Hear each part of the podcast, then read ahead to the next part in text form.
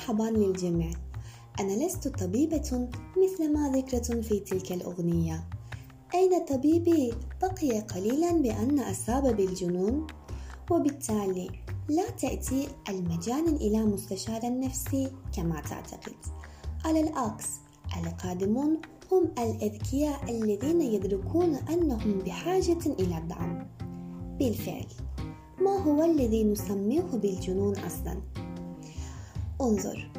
أنا لا أتدخل في حياة الناس كما تظن.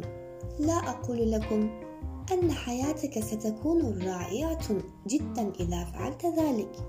لماذا فعلت هذا؟ ولم تفعل هذا؟ وافعل هذا. لا بل أساعدك على تذكير طرق الحل التي قمت بفعلها واستفدت منها سابقا. يمكننا التحدث عن مشكلة التبول لطفلك.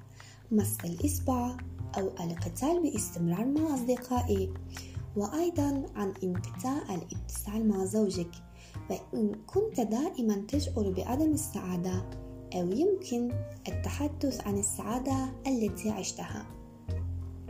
أنا لا أشارك معلوماتك مع أي شخص آخر دون إذنك. ما يقال لي يبقى معي.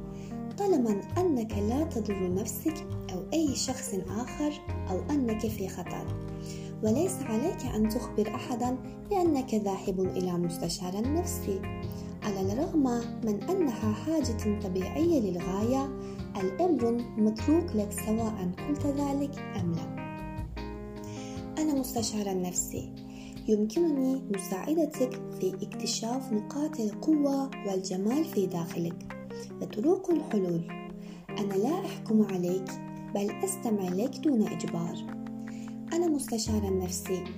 لا أكتب دواء بوصفة الطبية كما تظن ولكن عند الضرورة أوجهك إلى الاتصال بأطباء النفس الذين يصفون الدواء.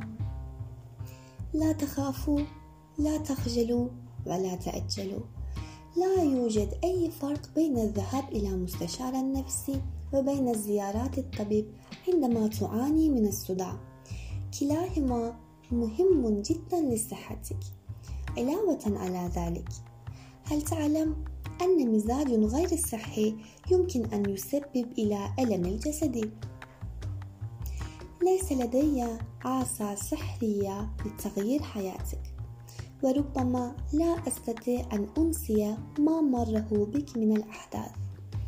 ولكن يمكنني الدخول في ذراعك في طريق التفكير. أنا سعيدة جدا بمعرفتكم.